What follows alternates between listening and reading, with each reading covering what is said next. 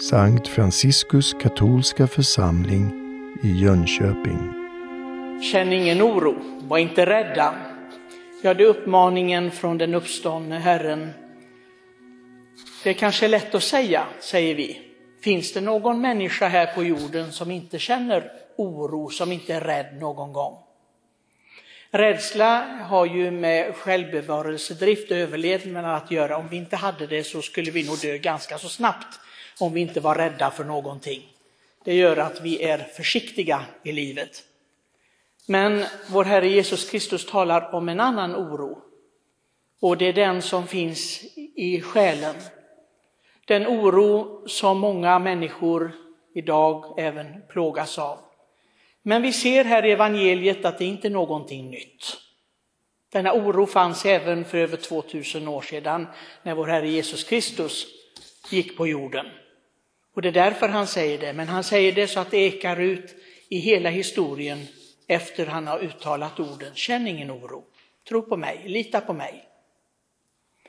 Det är ju det som är så svårt. Och det är det också som vår Herre har kommenterat i det som den heliga Faustina Kowalska skrev i sin dagbok. Någonting som jag fastnade särskilt för. När Herren säger, ja, det är klart att synderna, det smärtar mig, det sårar mig, men det som sårar mig mest är att ni inte litar på mig. Ni säger att ni litar på mig, men det gör ni inte. Och vi vet att det finns många som vill vara kristna, som kallar sig för kristna, som går med en ständigt malande oro i sina liv. De blir inte av med det. Hur blir man av med den här oron? Jag tror inte att det finns något annat sätt än just att vandra tätt, tätt in på Herren. Att vara nära Herren så mycket som möjligt. I bönen, i sökandet, i längtan, i det vi gör, att vara honom nära. Nästan som den där kvinnan ni vet som grep tag i honom, hon hade ju sjukdom som han hade lidit i många, många år, så, så tog hon i tofsen, hon tog i manteln. Hon skulle vara nära att ta. Och hon blev botad. Jag tänker en gång på när jag var i Kalifornien på en nöjespark. Och eh, jag och två medbröder, vi skulle hoppa i en sån här jättestor gummibåt och sen var det ett vattenfall och jag tyckte, nej det vet jag inte om jag vill göra. Men vi gjorde det i alla fall. Jag vill inte vara en fegis utan vill göra som de andra två.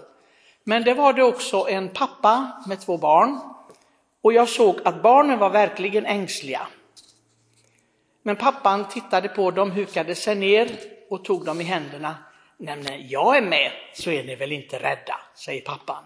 Nej, säger barnen. Jag vet inte om de kanske inte kunde med och säga någonting annat. Men de sa nej. Och han tog dem stadigt i händerna och de hade jättekul. Även trots det hemska vattenfallet och vi blev dyblöta allihopa. Men de var inte rädda. Men de höll honom väldigt starkt i händerna. Och jag tror ett av problemen är att vi håller inte Gud i handen. Vi släpper taget för ofta. Vi släpper taget för ofta. Vi går och irrar omkring själva och så, det är som ett barn som förlorar sina föräldrar. Mamma, mamma, vad är du? Pappa, pappa, vad är du? Vi går enligt våra egna planer och irrar omkring i livet och, och sen kommer vi på, ah, Gud ja, Jesus ja. Och då kommer det en bön eller någonting. Men han är inte där ständigt. Han är där ständigt. Men vi är inte med honom ständigt. Vi gör så många saker i livet utan Gud. Precis som inte Gud fanns. Och det är klart att då blir det som det blir. Och då uppstår väldigt mycket oro och ängslan. Om inte Gud är med i allt till slut blir det mycket mörker, det blir mycket ovisshet och det blir mycket som blir fel. Och det får vi experimentera. Vi ska ha sju dagars tillbedjan nu och eh, det firar vi mellan två stora dagar, första lördagen och första fredagen. Mellan dessa två heliga hjärtan, förenade hjärtan. Marie obefläckade hjärta och vi avslutar på Jesu hjärtadagen, Jesu heliga hjärtan, första fredagen. Det är två hjärtan som har varit förenade i en enda sak, i denna gudomliga kärleken, att hämta allt från Faderns kärlek, hämta allt från Faderns vilja, få ro i denna vilja. Och det är det som vi behöver, att finna ro i Faderns vilja. Det fanns många som var så oroliga på Jesu tid och han fick gå omkring och bota. De var oroliga för att det som hände dem, det var ett syndastraff. Att Gud inte älskade dem. De var rädda för att inte bli omhändertagna, att inte människor skulle uppskatta dem, att det inte skulle gå bra för dem, vad framtiden skulle föra med sig. Hela tiden denna oro. Jesus mötte dessa människor.